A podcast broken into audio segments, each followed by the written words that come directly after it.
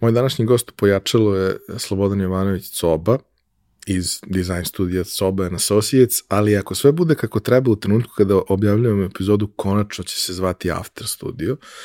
Zašto je došlo do te promene i svašta nešto drugo čućete u epizodi, ali ono što mogu da vam otkrijem u najavi, mislim da je važno, je da ćete čuti jednu divnu priču o tome kako dizajn ovaj svet menja na bolje i kako se dizajnom bavi na jedan zaista strateški temeljan i ispravan način.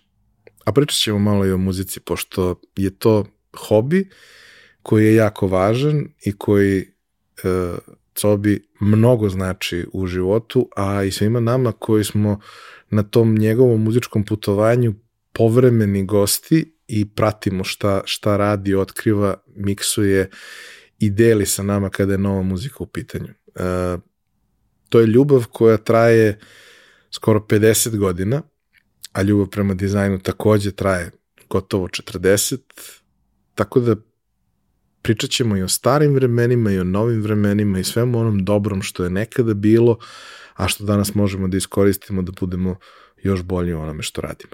Uživajte.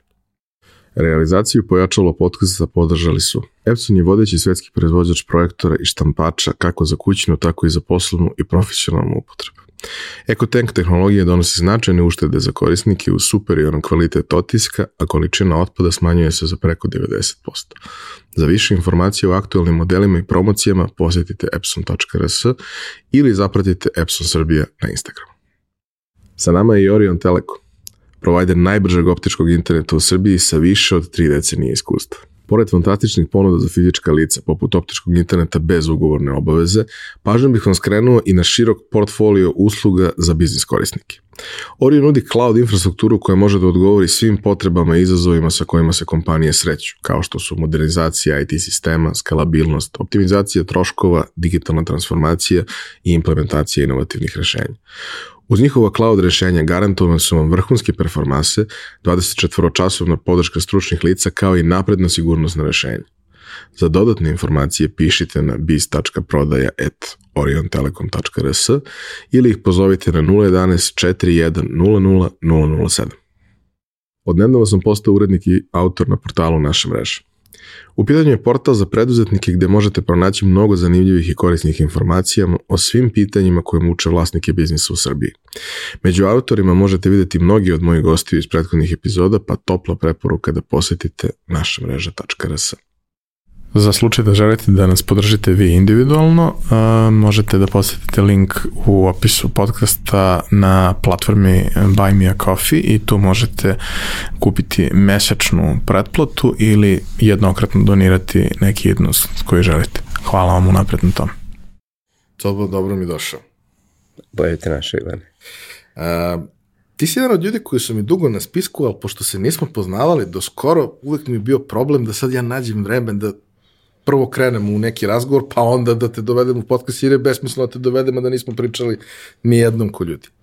Iskombinovali smo to pre, pre par nedelja i mnogo mi je drago što si danas ovde, zato što si ti jedan od eh, onih ljudi koji su možda najzaslužniji što ovaj naš lokalni svet izgleda malo urednije i malo lepše i kada uzmeš neki domaći proizvod, s vremena na vreme se oduševiš, e, dobar deo njih si radio ti i tvoj tim i meni je uvek zadovoljstvo da pričam sa, sa nekim ko je uticao pozitivno na makar taj deo, ovaj, da se makar taj deo neuređenosti kod nas uredi na neki način, a takođe ovaj, još od e, gostovanja e, mog dragog prijatelja e, Nebojše Krivokuće nisam ni sa kim pričao o muzici.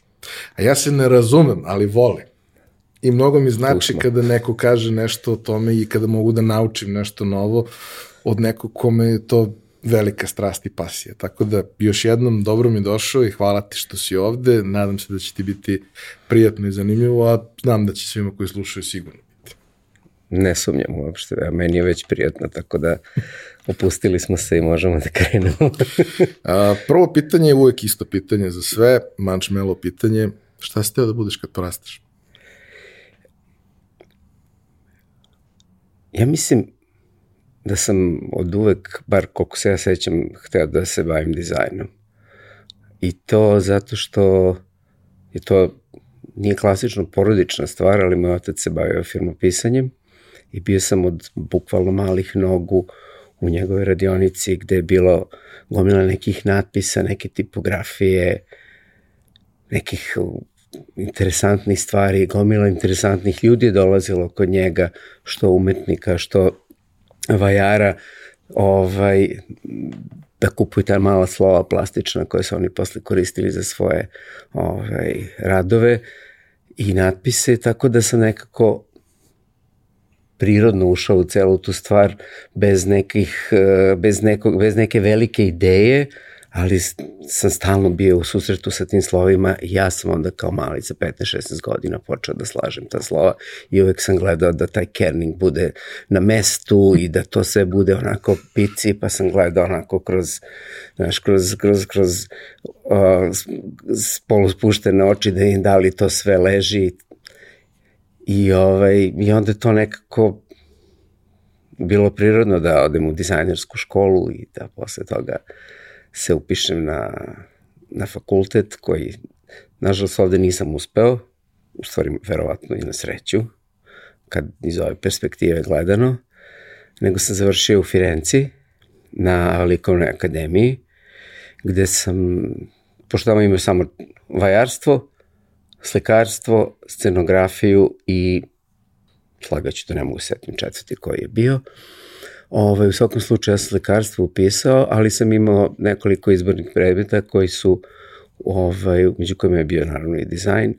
I tu se uglavnom, a, tu smo uglavnom radili sa nekim ljudima koji su, posle sam ja to saznao, to nisam znao, pošto tada nije bilo ni internet, to je bila neka polovina 80. godina, ovaj, ljudi koji su pravili fantastičan nameštaj za firme kao što je B&B Italija, tip koji je radio signage sistem za autobuske stanice u Bolonji i oni su nam predavali i tako imali su jedan, moram reći, filozofski pristup dizajnu s jedne strane. Nismo se bavili likovnim, koliko smo se bavili sistematski a, razumevanjem zašto taj dizajn služi, kome služi, kako ti ljudi treba da naprave interakciju sa dizajnom i jednostavno da taj dizajn bude s jedne strane nenametljiv, a da sa druge strane kad god ti zatreba uvek bude tu i da se osjećaš dobro uz njega.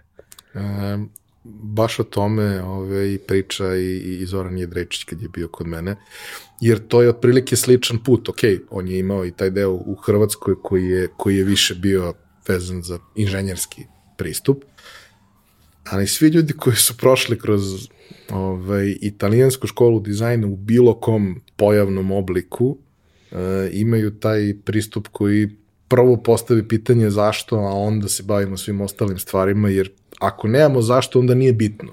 Pa onda pa da, može bilo šta. Pa da, mislim, Italija je naravno izuzetno poznata po svom dizajnu, ali svi gledaju onaj estetski deo koji stvari dolazi nakon što se funkcija ostvari do, do zadovoljavajućeg dela, moram reći, ovaj, koji će zaista da prija ljudima, a onda se ta funkcija opismenjava, oplo, oplođava, oplemenjuje i dobijamo ono što ljudi danas zovu kao italijanski dizajn. E, a ima nešto u, tom, u tim firmopiscima Skoro sam naletao negde uh, u ne, nekoj američkoj saveznoj državi, sad piše, ne sjećam se nigde ništa, znam da osoba nije poznata, ali neki čovek koji je uspešan IT-evac je zakupio jedan magazin u kome služi, uh, koji mu služi da uh, tamo slaže i čuva stare natpise koji su skinuti sa, sa zgrade, velike svetleće reklame koje više ne funkcionišu. Znam da i u, u, u Berlinu je postojao muzej Jeste. starih reklama i, i dan danas kad vidiš neki od tih natpisa, sada uglavnom devastirani, ali kada vidiš neki od tih natpisa i evo ova ekipa iz Hrvatske koja je napravila Jugo Logo projekat. Da, Antonija, da. Wow. Da. Znaš, bukvalno svaka stvar ti kad pogledaš samo kažeš ok, ona zemlja je bila ozbiljna. I svaki put kad to vidim, neka firma koja je budućnost, Rapid, Granit, nemam pojma, kada vidiš te neke ostatke koji se skidaju sa zgrada, ovaj, ti vidiš kako je to nekad sve bilo ozbiljno i kako je nekad to bilo važno i neko se ozbiljno bavio time i nisi imao ko danas da nacrtaš i pustiš laser da iseče i sve se desi, nego je neko morao da napravi to stvarno. Tako je, tako je. Mislim, to svaki od tih, svaki od tih delova je ono artwork za sebe i stvar, svaki ima ono neku estetsku vrednost koja je izuzetna, stvarno. O, ja, ja jedan danas ono, idem i kad vidim nešto simpatično, ja to slikam, pa to sad negde fajlujem, jer mi je to pasija prosto. Gledam da li je to dobro namešteno, onako, merkam, sve merkam inače. Ali to su mi ovaj, to su mi ovaj, to, to mi je nekako ostalo kao, kao va, vrlo važna stvar, jer, znaš, mora da, uvek mora da postoji neka linija koja nas povezuje sa onim što je bilo pred nas. Tako da ako imamo poštovanje prema tome, onda ćemo mnogo više razumeti i sadašnjost, a moći ćemo i da bacimo malo pogled neki u budućnost s obzirom da smo istrenirani da se time bavimo i ovaj, to onda dobija smisao neki drugi i, i prosto prije ljudima. Sjećam se pre, ba, boga mi ima sad više od par godina, e, Bodroža i Trifon su zajedno sa, sa nekim prijateljima i saradnicima organizovali one izložbe starih e, reklama iz časopisa. Da, iz ekonomike, da, da, da, odlična ovaj. izložba. I ti onda opet shvatiš koliko je to bilo ozbiljno. Naravno, tu su mogle samo najveće firme, jatovi, jugotursovi, zastave i slično, ali kad ti vidiš kako je to izgledalo, ti pogledaš i kažeš, ok, ovoga se ne bi postideo, ne, ne bi se postidela ni Lufthansa, ni Air France, ne bi se postideo ni Peugeot, ni Volkswagen. Ovo pa je da. wow. Ja im, ja im negde ovaj, knjigu grafičkih standarda Beobanke stari. To je sve crtano rapidografima i, i to je onako jedno, jedan tom od nekih 200 strana. Samo se logotipom bave te ovako, te onako, te u liniji, te sa tanjom linijom, sa debljom, punom, bojava, bez boje, dozvoljeno. Mislim, to je stvarno izgleda sve fenomenalno. I upravo ono o čemu smo na početku pričali, znači taj sistem u stvari, vidiš da je postojao sistem neki, postojao neka ideja, početak, razrada, sredina i kraj i to je nekako sve jedna celina koja ima sa, savršenog smisla. Um, kad si se odlučivao za, za studije i sve ostalo, prvo, kako si se pripremao, šta je tu bilo potrebno da se, da se desi, a drugo, razmišljajući o tome, čime si želao da se baviš? Pa, bilo je prirodno da da negde gledam ono što, što, što, sam, što sam kod oca video, da. I meni je bio trip, sećam se u drugom srednje, ja sam išao u četvrtu, u četvrtu gimnaziju i bukvalno ispod našeg prozora je bio ovaj, ulaz u ulaz u metro Beogradski. Tu je bio tunel neki spravljen i tu je trebalo da bude jedna stanica. Ja sećam se sa kumom pričao, rekao, kume, ti ja kad budemo imali tačno 2000. godine, sećam se, to je bilo 80 treća, četvrta, kume kad budemo, kad budemo 34 godine, 2000. godine, tamo ćemo biti dovoljno zreli i ovo i ono, i mi ćemo da radimo obeležavanje metroa. Postavit ćemo ceo sistem koji treba da, da, da priča o toj, o toj stvari. Tako da, znači da uvek sam imao tu neku ono da, da sistemsku tu neku, da kažem, ne, sistemski pristup. I, I danas to radim, mislim, isto.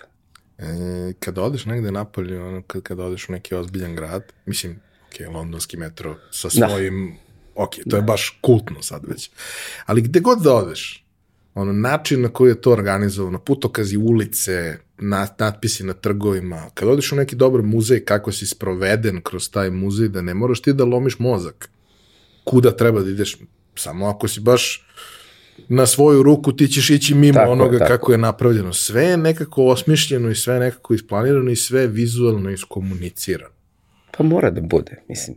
Mora pa da ne bude. mora, može i ovako kao kod nas, ali nije dobro. Dobro, da, ali da, upravo da, nastavak, nastavak toga jeste imamo haos.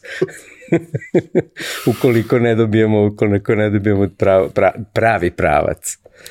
E, taj deo ovaj, e, tvojih studija Dakle, nisi otišao na dizajn, otišao si na klasičnu umetnost da. sa onim delom izbornog što si, što si mogao da, da, da dobiš. Uh, daj mi malo više nekih uvida kako je to tamo izgledalo. Prvo, imaš jezik koji nije baš uobičajen svakodnevni. Da, pa da mislim, da prvo sam, prvo sam uh, naravno moram malo da naučim jezik. Počeo sam se družim sa ljudima. Nisam ih ništa razumeo. Kad su pričali, samo sam se smejuljio, pošto si, znaš, ono, kad neko kaže neke vici, si ono kao, ha, ha, ha, a ja onda, ha, ha, ha, da.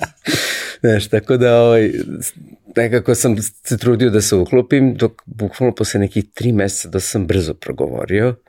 Ovaj, zato što slabo, sam, slabo je bilo našeg sveta, pa onda nisam ni mogao mnogo da, da, da, se, bavim, da se bavim srpskim jezikom, tačnije da pričam srpskim jezikom i ovaj, samo sam odjednom progovorio o nekoj guži, bilo znam da me hvatila neka panika, nešto treba da izađem iz autobusa i onda sam na perfektnom italijanskom rekao, molim vas, ja bih da siđem na sledećoj stanici.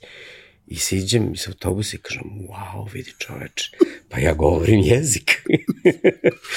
I ovaj, tada bukvalno nije bilo problema nikakvih. E sad, što se tiče samog školovanja, znači da, imao sam a, slikarstvo i imao sam zaista sreću da budem kod a, profesora Silvija Lofreda, on je bio slikar, koji je stalno pričao o svom profesoru, koji se zvao Oskar Kokoška, čuveni ekspresionista, Ovaj, I nekako ona se uvek, nikada mi nije objašnjavao kako se slika ili šta se radi, nego je samo jednostavno tako šetao ovaj, ateljeom i dođe do nekoga stana i onda počne da priča, tako neku priču vezanu za, za, za odnose, za boje, za njegove mačke koje je non stop slikao i ti se prosto, onda svi stanu i, i, i slušaju ga šta priča. I onda kao, aha, da, rekao je to, to, to, to, dobro, ajde probamo sad malo da imamo šta je to, šta je to što smo čuli, u stvari da probamo da malo, da, da ispravimo ono što radimo. To je s jedne strane bila jedna studentkinja koja je bila starija, malo jedna kineskinja iz Hong Konga, Bernadette Lee, koja je radila svoje neke radove, potpuno abstraktne, napravila jednu sliku koja je dugačka bila 80 metara u, u ovaj, od, iz delova, metar puta metar, pa 80 komada. I o, ja sam bio fasciniran njome. Ovaj, zato što prvo dopadalo mi se to, to je sve bilo onako vazdušasto i ovaj, nekako neopterećujuće. I naravno počeo sam da kopiram to što ona radi, jer hteo sam da shvatim šta se dešava tu. I ona mi u jednom trenutku rekla što jednu stvar koju sam sam to i dan, dan danas primenjujem, prosto i u dizajnu i u svemu. Kaže, strašno je važno, onoliko je važno ono šta nacrtaš, kao i onaj prazan prostor koji ostaviš. I taj, kaže, to je, to je u stvari ta, ta korelacija između punog i praznog prostora koja u stvari daje igru i koja ti daje to zadovoljenje oku, oka onim što gleda. Tako da to sam, to, to, to, to i dan danas koristim, bukvalno tu tehniku. Ja, sa par ljudi s kojima sam pričao na, na temu dizajna, dotakao sam se tog jednog, jednog mog utiska koji možda vara, ali koji mi je nekako interesantan. Uh, jeli, ako pričamo o nekoj generaciji koja je tvoja pa i moja, kada ti realno nisi baš imao mogućnost da studiraš dizajn u, u pravom smislu te reči, uh, shvatio sam da kada, kada su u pitanju identiteti, logotipi, branding, da zapravo arhitekte imaju fantastična rešenja upravo zato što umeju da koriste negativni prostor i generalno imaju odnos sa prostorom. Nemaju odnos sa dvodimenzionalnom ravnim, nego imaju odnos sa celim prostorom i vrlo često imaju sjajna rešenja, a drugo, naravno, oni su izuzetno pedantni i sve ostalo. Tako je. I to je super zanimljivo, onako, kad gledaš sa strane. E sad, ja imam što arhitektom imam problem vezan za dizajn a to je da svi stavljaju užasno sitna slova i svi stavljaju neka kondenzovana slova, to je ovaj raširna slova, extended verzije slova. Ja ne znam zbog čega je to tako. Ovaj, I vole da, vole da stave slova u, u ćoškove. Tako da mi tu ta, ta priča mi nije uvek, ovaj, uvek ne prijemi uvek, ovaj, vidim kad je arhitekta radio dizajn i ovaj, nekako, a na, mada naravno to ništa ne znači, ali evo to je prosto negde moj, moj neki utisak da, da Da, oni imaju odnos prema, prema, prema prostoru, znaju da ga iskoriste, ali odnos prema tipografiji im je nenaučen. Mislim da je dosta kod nas generalno odnos prema tipografiji jako... A, da, da, da, 50 ili 60% dizajna je tipografija kad pogledaš. I onda pogledaš i shvatiš da, ne znam, 80% svega što je izašlo u prethodnih par godina je Gotham u jednom ili drugom ili Na trećem primer, obliku, da, zato što da. Jeste lepi to super prosto. prolazi i da. ajde, nema veze. Mislim, svako slovo, svako slovo je u suštini jedan likovni element i svaki taj likovni element odašilje određenu poruku. Kada staviš, ne znam, određeni tip slova kao što ti imaš na majici, na primjer, taj Beograd bolje izgleda nego da je recimo u nekom mirijadu ili šta ti ja znam, u nekom slovu, u nekom, nekoj tipografiji koju koriste, da kažem, lenji dizajneri koji se ne trude da, da prenesu poruku na više slojeva kao što je ovaj, kad, kad, kad izabereš font, kad ga tražiš, kad pokušavaš da se tu ovaj, prvo prvo se u, u tome negde odrediš zato što je dizajn dizajn je suštinski informacija koju ti treba da preneseš nekom. Naravno, najčešće su to, je tekstualna informacija koja mora nekako da se pročita, uz ko, koju prati određena slika, fotografija, ilustracija, sad već kako ko, kako ko ovaj, doživljava, kako ko doživljava temu, ali tipografija je osnov svakog dizajna i to je, mislim, da, da, da, da bez toga svaki dizajn je na klivavim nogama. A, taj deo koji je bio uh, izborni gde si ti mogao da se smeravaš ka, ka dizajnu, uh, koji su to predmeti bili, šta si dobijao iz njih, na koji način si ti učio i usvajao znanja koje su ti potrebna da bi mogao da kažeš ono, stojimo na ramenima da. velikana. Pa znaš šta, ovaj, uh, Dakle, imali smo ta dva profesora, oni su, da kažem, zajedno držali taj kurs iz dizajna. Jedan je bio grafičar, drugi je bio uh, furniture designer, uh mhm. -huh. dizajner nameštaja. I onda smo, imali smo zatak da osmislimo neki pis nameštaja i da za njega uradimo identitet i pakovanje. To je znači bilo, ono, cele godine smo s time bavili i onda smo imali non stop, pa prvo smo radili naravno skice neke, pa smo nas, nas one ispravljali, pa su nas, ali su, nisu nas ispravljali u smislu, e, ajde uradi ovo, nego su nam postavljali pitanja, a sad što si ovo uradio, aha, dobro, nije loša ideja, a šta misliš kad bi ti sada, a, šta, zašto, a zašto baš ta linija treba da bude ovako kriva, kad bi je bila prava, šta misliš, pa rekao kao, probao sam pa mi se nije dopala ili e probaću pa e pa vidiš kao kako to lepo funkcioniše ili ne funkcioniše. U svakom slučaju ta predavanja su uglavnom išla kroz, kroz neka pitanja bukvalno kao, kao psiholozi ili psihijatri kada te provode kroz, kroz ovaj, uh, seansu neku, gde ti u stvari sam dolaziš do, do, do rešenja i sam, po, sam negde ono skapiraš šta je dobro, šta nije dobro, zato što uvek imaš uh, jednu i drugu stranu ili već nekoliko strana od kojih treba da izabereš nešto, jer svako od tih pitanja posjeduje već nekoliko odgovora, pa sad koji ti izabereš, koji ti je najbliži, koji najbolje osjećaš, njega ćeš upotrebiti. Ja, to je taj moment, ovaj, da. redko sam sretao, ali par puta sam u životu sreo, jednom je jedan profesor sa kojim sam ovaj, koji, koji mi je predavao to rekao, moj posao nije da te ništa naučim, moj posao je da ti pomognem da ti budeš bolji. Da, jeste, pa jeste. to je ono što, mislim, kod nas uglavnom je drugačiji pristup i uglavnom je ideja da te ja nešto naučim onako kako sam ja zamislio da treba. Pa da, mislim, ja, ja isto to radim vrlo često. Kao, ajde, proba, nemoj, ajde, nemoj ovo, stavi nešto drugo. Ili nekad i često postavim pitanja šta misliš zašto si to uradio, aha, a šta misliš da li bi moglo nešto drugo da dođe tu. Mislim, danas se promenio dizajn. Danas se generalno uh, ceo, ceo, ceo, ceo se taj biznis uh, promenio u smislu da danas krećeš uvek od neke strategije, od nekog promišljanja stvari koje je ono o kojem smo pričali, taj plan, i sad se na široj prosto osnovi, više ljudi to, to, to je shvatilo zadnjih par godina i onda se sam taj strateški pristup dizajnu promenio, da bi ti onda došao do, do, do likovnog dela u kome krećeš da u odnosu na onu strategiju koju si postavio, tražiš mogućnost da, da napraviš najbolje rešenje, uh, dovoljno diferencirano u odnosu na konkurenciju i prosto najlepše, da kažem sad. Šta to znači, to ćemo da ostavimo onome ko gleda. A, jesi kroz studije, osim projekata koje si radio u okviru fakulteta, koji su bili prosto deo procesa učenja, jesi radio još nešto? Što se tiče dizajna, imali smo još, imali smo još jednog profesora koji nas je učio, što se tiče dizajna, naravno, učio nas je, um,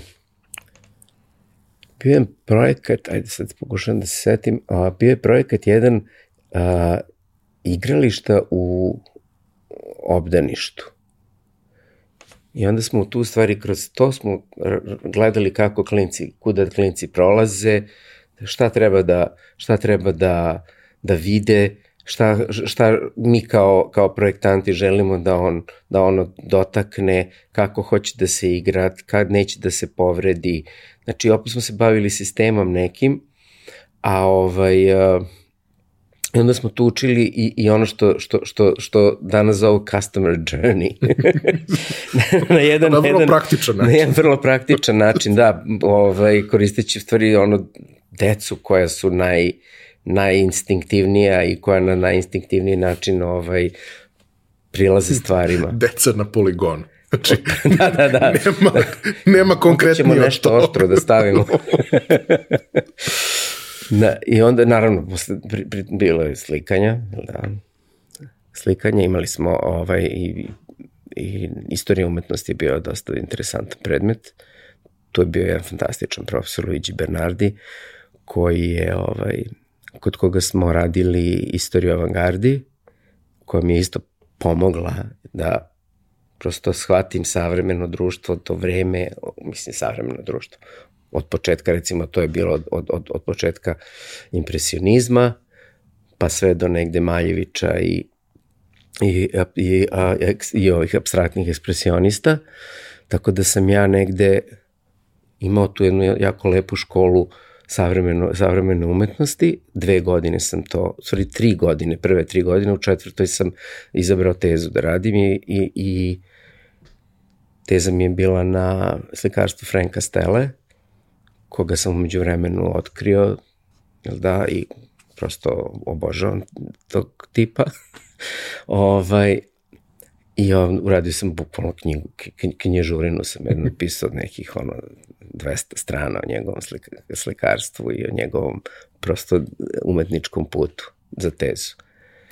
A jel ste imali neku komponentu koja se bavila time kako da radiš posao koji je dizajn i kako da vodiš studio jednog dana, odnosno sve to nešto što je potrebno, a nije samo umetničko. Na, nažalost ne, pošto ipak to bila likovna akademija gde je fokus bio na fokus je bio na, na likovnim stvarima i na, i na, tom, na, na tom razvoju ličnosti, a ovo posle vezano za biznis je došlo prirodno. Da, da, pa i Mislim, s jedne strane sam ovaj, srećan što nisam nikada radio u u jednoj agenciji velikoj pre nego što sam otvorio svoj studio, sam odmah otvorio studio.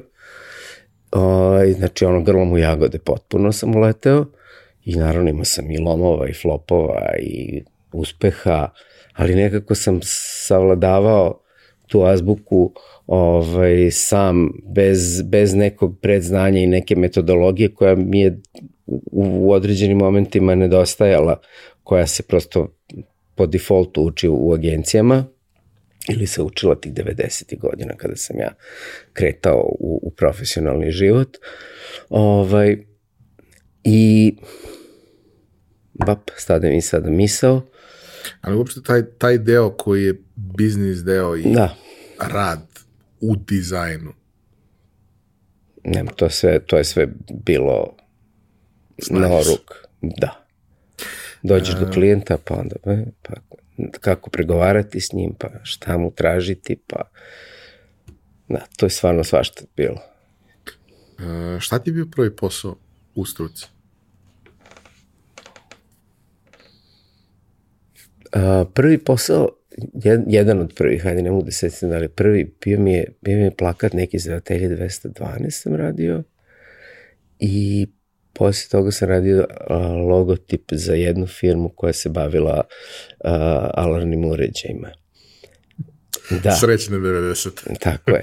Tako, ali tu mi bilo, taj, taj, taj, bio sam dosta ponosan na taj znak zato što sam u stvari jednu patku koja, koja onako počinje, kreće da leti, zato što ovaj, bila ideja kao kada je Neron upalio Rim, onda su patke ovaj, počele da krešte i da obaveštavaju sve da se nešto dešava i onda mi je to bila ideja da povežem, da povežem alarm sa, sa, sa tim znakom, sa tim simbolom. I ovaj, odatle je to recimo da to je on prvih radova bio.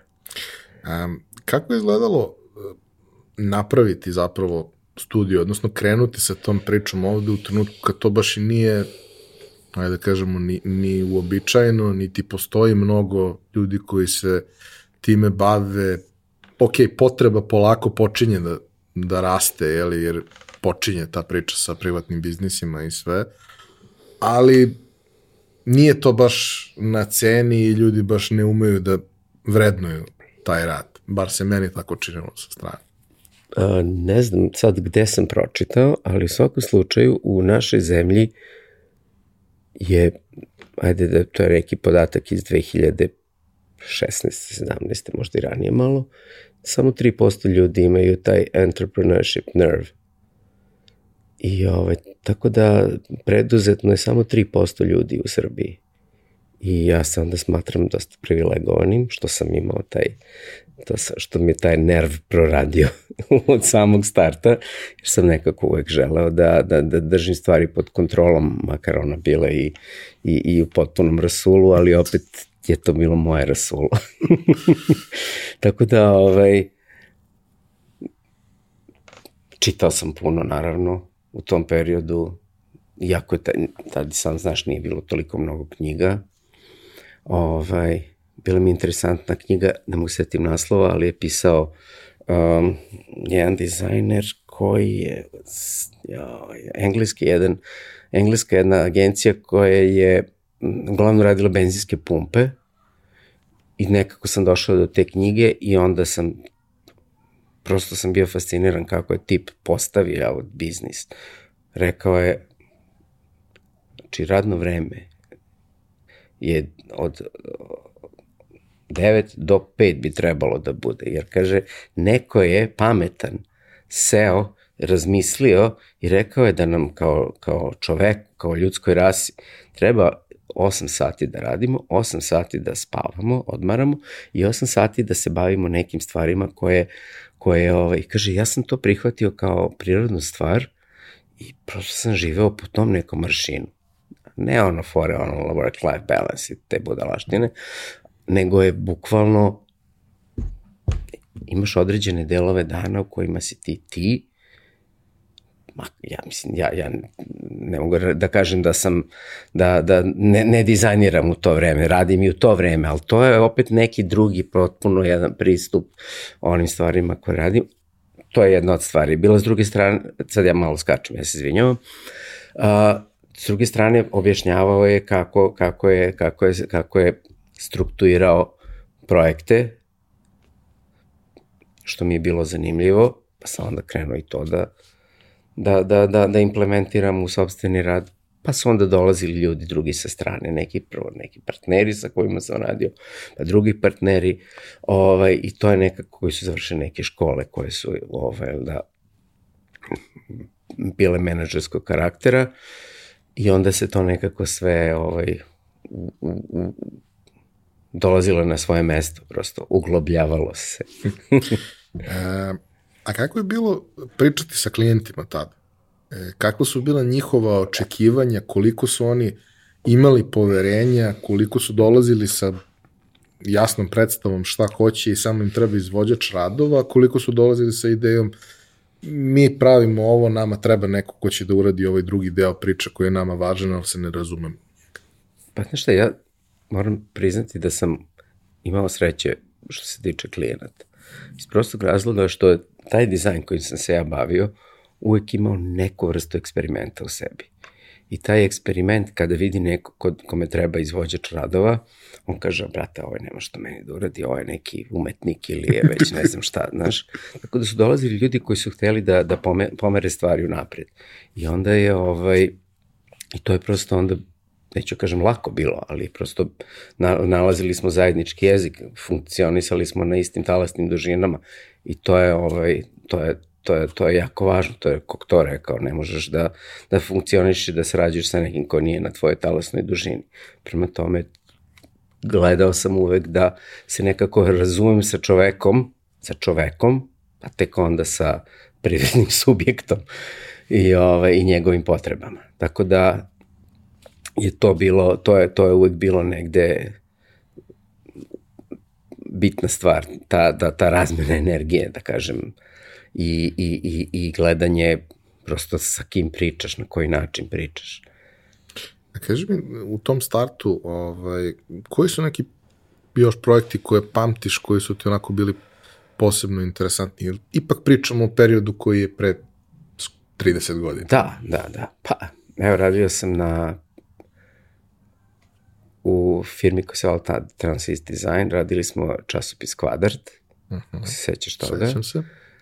Ja sam bio jedan od dizajnera, Jovan Jelovac je bio umetnički direktor, ovaj, i to je bilo fenomenalno. Radomir Vuković je to osmislio i dao nam prilično odrešene ruke ovaj, da se bavimo dizajnom na jedan vrlo specifičan način, pošto smo gledali, ne znam, magazine tipa Ray Gun, koji je 90. izlazio u Americi, Wired magazin koji se tad pojavio, to su neki bili reperi ko, ko, gde smo se inspirisali i krali fore, ali ovaj, u svakom slučaju svaki broj kvadrata je imao nešto specijalno i bio je potpuno drugačiji od, od, od prethodnog, potpuno, dosta drugačiji od prethodnog.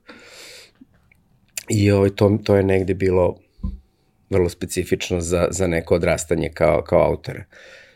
Uh, ono što isto bilo zanimljivo jeste rad na ambalaži za Imlek tih 90. godina, To je onaj neki trenutak kad je Imlek odskočio jest, sa ambalaža. Jeste, sa onim, sa onim kariranim uh -huh. i, i onom kravom koja je nešto bila nacrtana rukom i tako. Na tom sam projektu učestvovao, uh, posle toga posle toga sam sa, sa drugom ekipom počeo da radim na na, na većim brendovima, što im bilo zanimljivo, malo pričali smo o tome da dobiješ key visual i cepaj ga. Mi smo dobili da radimo smirnu fotku uh mhm. -huh. i ovaj, dobili smo potpuno odrešene ruke. Da radimo šta god mislimo da je najbolje da se ta vodka proda ovde na tržištu. Pošto je i neka lepa, dosta lepa estetika da se sa njom igraš. Fantastičan. Dobili smo, dobili smo generalnu ideju koja je trebala da se, da se prati, a to je šta se dešava kroz flašu, kroz uh mhm. -huh. flašu Smirnofa i onda smo se mi ono igrali ovaj, sa, sa, sa lokalnim pojmovima i sa lokalnim stvarima i mislim da je to bilo dosta uspešno jer prosto takav je i brend, ima, ima težinu, a i ti radovi su bili ovaj, vrlo intrigantni jer su malo se, se doticali politike, kulture, nekog lifestyle-a koji je tad bio dominantan i davali jednu o jednu, jednu, da kažem, kritiku koja je bila subtilna i a nekad nije bila tako subtilna, kao što je bio jedan moment gde smo nacrtali pobednika koji je koji je prolazio kroz flašu, to tačnije videli smo ga kroz flašu, gde je on čovek seo, da, da se odmori i da gleda. I onda je bio skandal, pošto smo trebali da radimo izložbu u, u, u biblioteci grada, i onda su nam bukvalno uh, na sat vremena pred izložbe zabranili izložbu i to onda je ispao skandal po novinama. Tako da nam je to dalo isto publicitet jedan ono koji prosto nismo tražili, ali smo ga dobili i iskoristili. A, tako, mislim, A e, jedna stvar koju nekako uvek mislim da je, da je posebno značajna, redizajni su super. Da. Naročito ako postignu željeni efekt, a to je taj neki refresh i sve što dolazi. Super je i lokalizacija ako imaš tu slobodu da stvarno možeš da je napraviš lokalno. Znači, mi smo imali potpunu slobodu. A, Mi smo fenomenalnog jednog, mi smo fenomenalnog tipa koji nas je ovde, koji, koji nas je vodio ovde Simon Willis, koji je, koji mi je rekao, momci, meni je samo bitno da se ovo prodaje. Da li će to da bude ovako ili onako? Cepajte. Ja sam, jednom, sećam se u jednom momentu smo ga pitali, pa treba da idemo na neki kao kurs, da negde nešto saznamo više o brendu, on, on kaže, dobija si živu stvar sa kojom možeš da radiš šta god hoćeš, vodi računa. Razmisli sam šta ćeš da radiš. Tako da ovaj, dobili smo i tu neku stvari odgovornost koju smo trebali da pokažemo s jedne strane kreativno, a s druge strane da ne prosto ne, da, ne, da ne, ne propastimo ljude koji su uvozili to i koji su to plasirali na tržište. Ali posebna stvar je kad praviš nešto od nule, kad je praviš prvi put. Naravno. Ima neka takva priča. To iz tog perioda, sad ih ima mnogo, Da, okay, da, da, ali da. iz tog perioda kad prvi put to radiš, prvi, drugi, treći. Pa ja, da, ja bih možda mogao da kažem da to priča mog života, maltene, jer ja mislim da sam 90%, ali možda sad preterujem, ali tu negde, su projekti koji su rađeni od nula. Znači dođe čovjek koji je ono kao tabula raza, kaže, ja imam taj taj problem, treba to da uradim, ne znam, treba napravim rakiju, vino, pakovanje za ovo, pakovanje za ono, uglavnom su pakovanja bila tu, da ne pišem katalozi i, i, i vizualni identiteti, kao, ok, koji su vam omiljene boje, ajmo da nađemo neke benchmarkove, da vidimo gde se vi to dobro nalazite, u kojim, u kojim okvirima se vi snalazite, jer ono što uvek govorim klijentu, ja sam tu do momenta dok vi ne preuzmete to. U momentu kada vi to preuzmete, to je vaše. I, I vi mora morate da bude da- taman. Tako je. Tako je, mora to, taj sako mora da vam stoji dobro, da, se, da kažete, pogledaj, brate, što je dobar sako, vidi kako mi sto, da vidi što mi je dobra etiketa. Da se dobro osjećate sa tim i s tim u vezi trudim se da nekako radim sa, sa klijentom postepeno, da, da, da kroz, kroz strategiju i kroz neke mood boardove i kroz neke prve skice da polako dolazimo zajednički do onog finalnog rešenja koje će, za koje, koje će onda odnese kući da kaže, brate, pogledaj šta imam bre rakiju. Moja. Znaš, moja je. To, e, to, to, to, mi je, to, je, to je, moj, to je moj, moj najveći uspeh. U stvari, kad dođu ljudi kažu, evo, moja.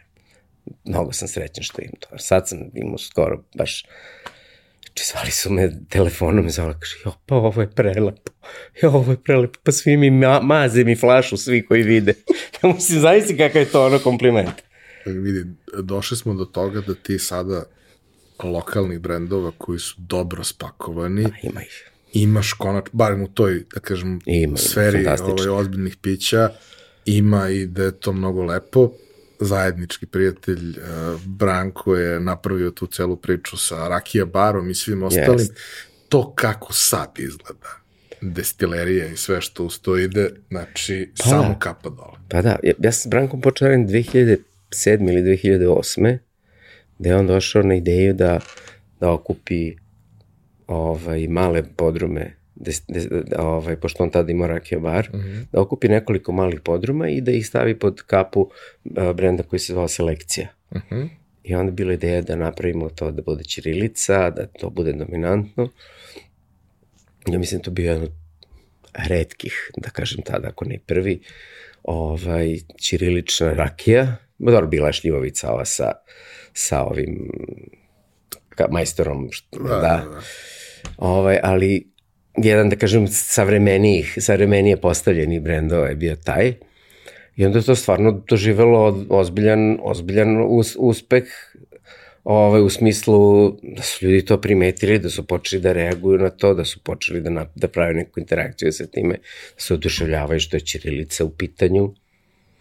I znam da mi je dolazilo dosta ljudi da nekako probamo da radimo neke projekte vezane za Čirilicu, međutim ja sam toliko bio pretrpan uvijek poslom da je to uvijek bilo problem da neke da radite neke off stvari u to vreme, a onda smo polako sa, sa Brankom kako se razvio njegov brand, kako se menjale ideje, mislim, obojica smo učili o, o tom biznisu rakijskom jako mnogo, prvenstveno on, pošto je imao iskustva o prodaji tu i, i, i te neke njegove ideje koje su dolazile iz prodaje smo ovaj, pokušavali da, da implementiramo i da, i da, i da postavimo na, na, na način na koji će to da bude prihvatljiv ono što većim broj ljudi, da?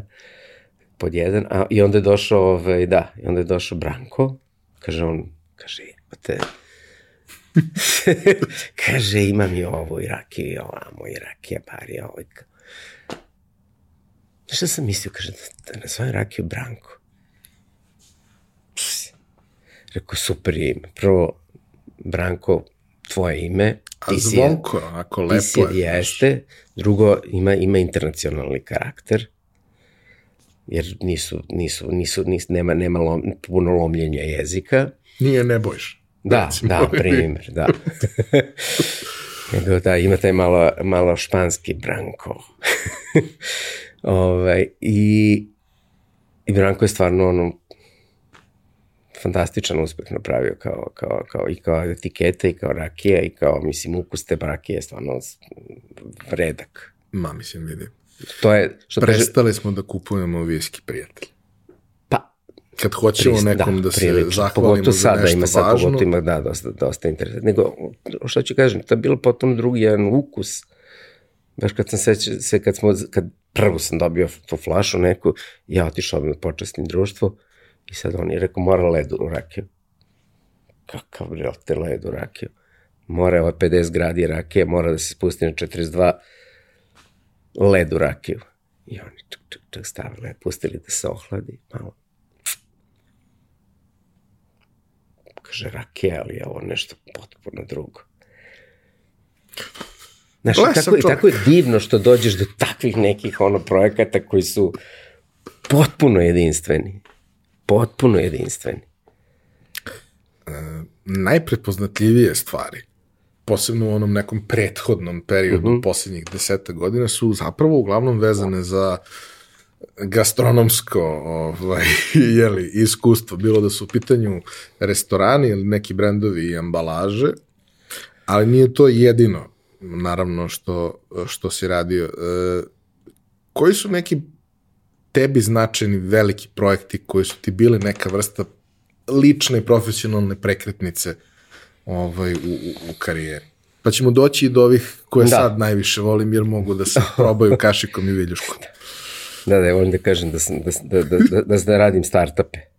Znaš, u Kostišnici. To jeste, ali reko ne tehnološke startupe, nego ovaj, food startupe. Ovaj, pa, jedan od verovatno najvećih projekata i najznačajnijih je logotip turističke organizacije Srbije. To stvarno onako, nema tu mnogo ljudi koji može da, pri, da priđe takvom projektu, pod jedan, mislim, možda da imaš puno sreće, da se razumemo, ali i da si pokazao nešto pre toga. Tako da mi je to bio jedan od onako omiljenih projekata, pogotovo zato što sad su ga zamenili, ali u onom trenutku kada smo, kada smo ga prezentovali, to je bilo pre neki 50 ljudi i ovaj, neka smo završili prezentaciju, njih 30 je skočilo ako, to, to je Srbija, Aj, kao na utakmici da sam bio. Znaš, neverovatan jedan ono, od, neverovatan respons, neverovatan odgovor ljudi na, na, na da prezentaciju da logotipa. Da, da, da. Ja stvarno, šo, znaš, znaš kad ti se naježi na bradu, pa kažeš, uf, to je dobro, ovaj osjećaj. e, to je to bilo. Ovaj, taj projekat mi je stvarno bio onako divan i tu smo radili puno, ovaj, puno smo radili sajamskih štandova za to i nastupa na raznim sajmovima po, po Evropi. Um, aj sad, kad bi se setio što nekog. Uh, šta sam se još radio? Pazi, da, radio jedan projekat koji ja pamtim, a nije bio nešto da. preterano uspešan komercijalno iz raznih razloga, uglavnom nevezanih za sam projekat, a najmanje vezanih za dizajn, je Little Blue Pot. A, Little Blue Pot, da. Da, to je čak, ovaj, to je čak se pojavio, pojavilo se u wallpaperu, se pojavio taj, taj džemić kao nešto, ono, kao iz Srbije, kao wow, vidi kako je fancy. Da, to je, za to je zasluž, najzaslužnija za njegov izgled Tamara Pešić, dizajnerka i ilustratorka. Ovaj, i to je stvarno, da, jedan divan projekat, ono, sećam se, bili smo na Mali, nekoj, mali, ali- da, da, pici, kompletno. Sećam se, bili smo na nekoj konferenciji i ovaj, prezentovali smo baš taj projekat i dolazi mi čovjek, jedan kolega iz Hrvatske i kaže, kaže, vidi, ja meni je sve jasno na ovom pakovanju. Kaže, nema ništa što bi me iznenadilo onako kad, kad razložim sve. A zajedno kad se stavi. Kaže, brate, sve je na mestu. Svaki detalj je na svom mestu i kao celina rastura. I rekao, hvala ti. Delim tvoje mišljenje, šta drugo da vam kažem. Ajmo još malo tih projekata koje ja pamtim, koji su meni bili wow, Molim te, Kozari. kozari. Da, Kozari su divan projekat, to, sam, to, je, to, je, to, sam, to je sa, sa Janom Moršalić rađeno, to i čokoladice za Dore. Uh -huh. Ovaj, recimo za Dore je bio interesantan, ima interesantna priča. Aca nam je došao i kao, joj, znate šta bi volao da imamo tu, pravimo te table čokoladne, pričat ćemo posle jednom drugom. A, ovaj, I onda smo mi krenuli da pravimo kao sad ne znam, ne, jedan dizajn, pa koji se na sve ponavlja, d, d, d. Međutim je bio fazon, pa ne, ne znam to kako. I onda Jana uradi, uradila, ne znam, jednu je uradila neku ambalažu. I rekao, Jano, ajde daj svakom posebno, posebnom ukusu, daj mu pot, potpuno ide, različit karakter i potpuno različitu ilustraciju i dizajn. I sad ti kad daš nekome ko je tako talentovan, jedan takav izazov, to onda bude I slobodu. ludilo. I slobodu, naravno. Mislim, to je, znaš, to je, to je sloboda e, e, izra, izražaja koja može da se brani. Znaš, ja mogu da odbranim takav proizvod i takav projekat, vrlo lako. Zato što Znači, imamo taj sistemski, sistemski pristup stvarima i on, i on funkcioniše, tu ne može da se, ovaj, ne može mnogo se promaši. Ma, sa svim jestivim stvarima ne greš. Jao, jeste. jeste. Da, a kozari su isto interesantni, to je ono bio, znaš, projekat gde smo mi, ovaj, došli su nam vlasnici i, i tehnolog i onda su počeli da nam pričaju o sirevima, da, da, da, pa su napravili ove kupe i šta ti ja znam, to je bilo, bilo baš zanimljivo. Pa list uvijen u, u, kestenov, u, to je sir uvijen u kestenov list, pa potopljen u vinu, pa znaš, to su baš onako ozbiljne džakonije. Ovaj, malo jačeg mirisa, ali prosto neprevaziđenog ukusa. I ovaj, sećam se da smo, da smo onda da istraživali, istraživali u jednom trenutku nalet, na, se naletalo na, na kutiju od panetone italijanskog, koja je baš bila to ko, ku, kupastog oblika, sa, sa jednom vrpcom gore. I kao, Svoj piramid. pa da, piramida u stvari, da, da, da. Što sam rekao, kup. kup. Da, se izvinjam, piramida. Sa odsečanim vrhom, da? I onda je to, i onda odatle krenula cela ta priča. Bogdan Maksimović nacrta onog slatkog, ono slatko jagnje, jagnje, Jare. jare. ovaj, Jana ga je ucickala lepo i Mislim da ono, povremeno se pojave tako neki proizvodi koje kad vidiš na policiji da ti se ne sviđa, ti ćeš da ih uzmeš. E, to je isto, to, to se razmišlja sam dosta o tome. Znaš, dešava se to vrlo često. E, Naravno što kod nas što smo malo oštećeni. pa da, ne, da, da, ni to, nego, nego up, uplašiš se prosto, znaš. Kažeš, čovječe, vidi ovaj bred mnogo izdizajnirano.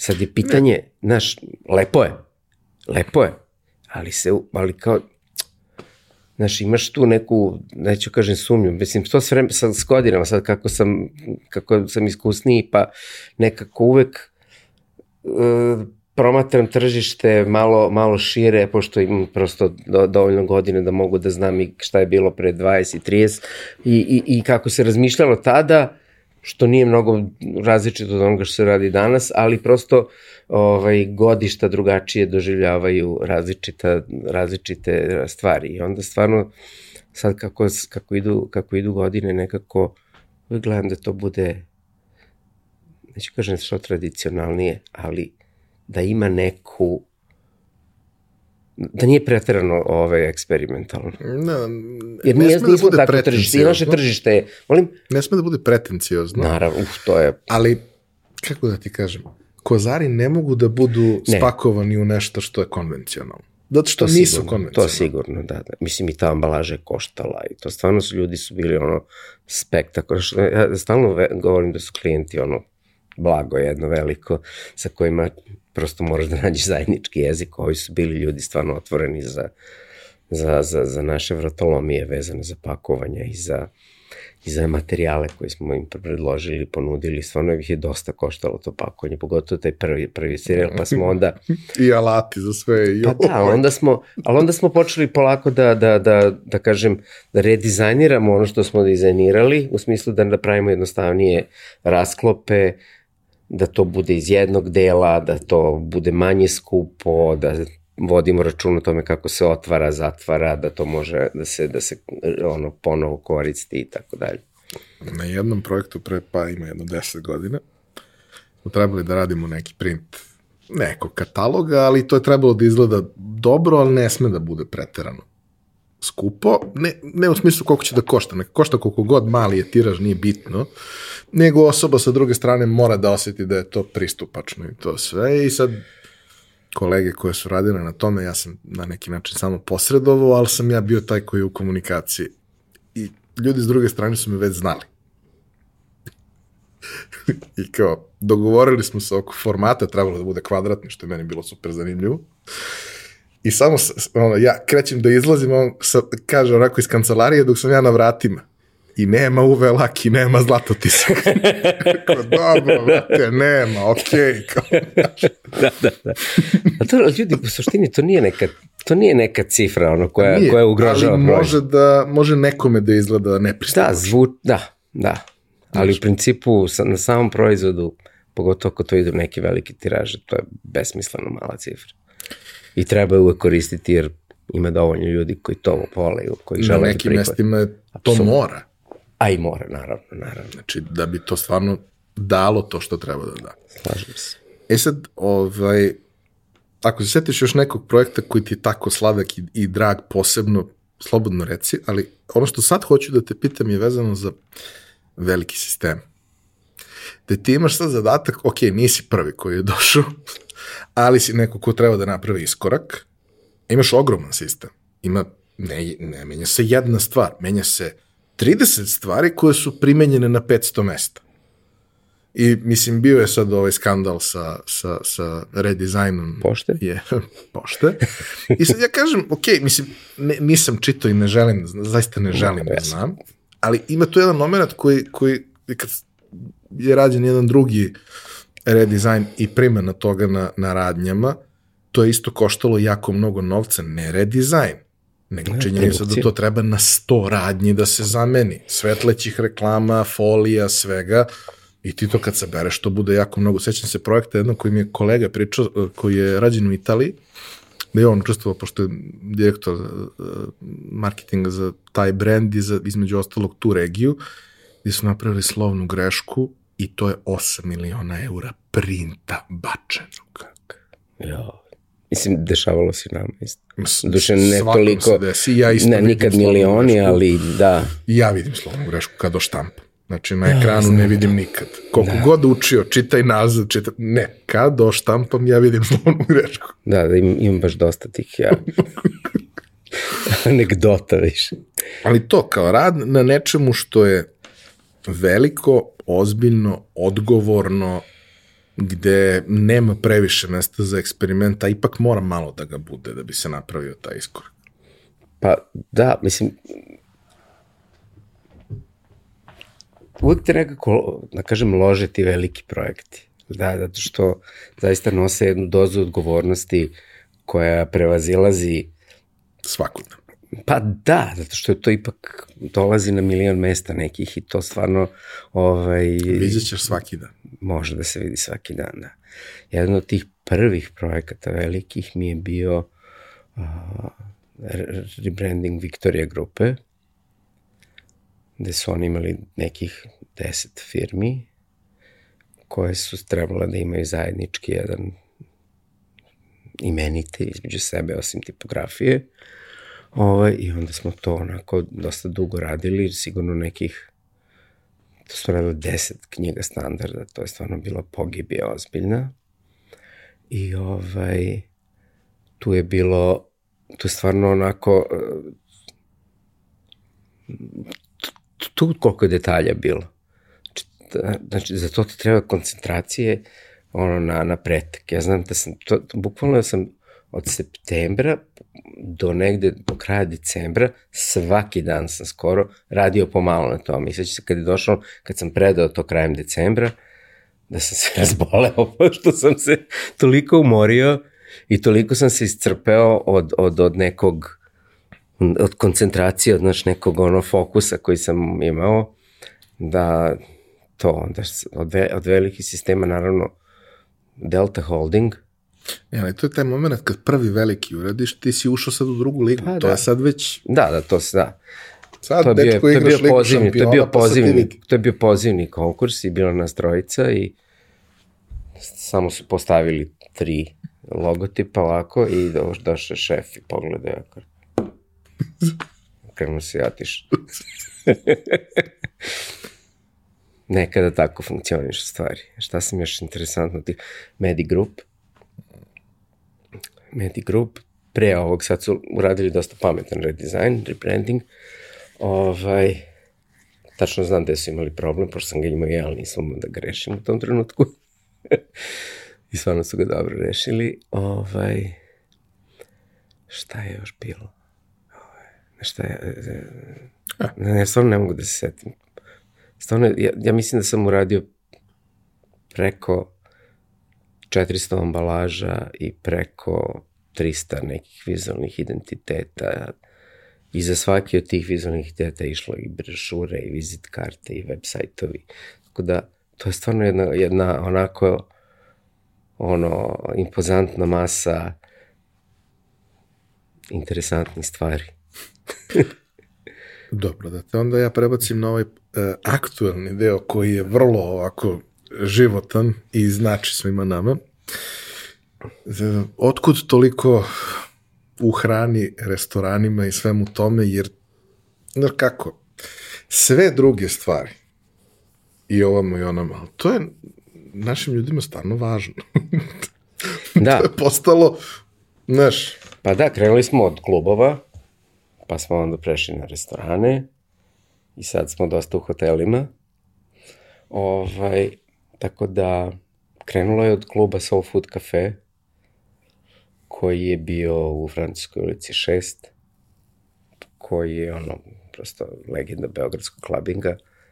Ja sam čak imao i sreću i zadovoljstvo da puštam tamo muziku pune tri i po godine, skoro svake subote. Ovaj, posle toga, tamo sam se upoznao sa DJ Pepeom, uh -huh. koji je počeo posle da otvara svoje klubove, pa sam onda ja dobio da, tu, tu, tu čast da radim ovaj, dizajn za to, tad sam još uvijek bio prilično mlad dizajner. Ovaj, do svih ovih njegovih sad mesta koje je radio, prosto znam da mi je jednom trenutku rekao, vidi, ja kažem, pa dobro, što sad,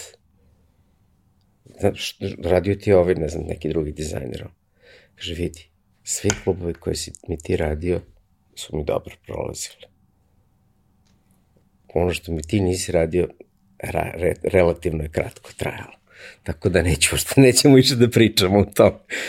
Tako da, ovaj, e, to je onda to bilo, znači svi mogući, ne znam, preko malo, od malo, preko malog pjeca, uh, mladosti, ludosti, gadosti, radosti, da, ovaj, do ovih uh, kućica, uh -huh. po, šta je bilo? Kažeš mi oko, oko da. tog celog, ovaj, i, i te vaše saradnje koja je vrlo ovako ikonična.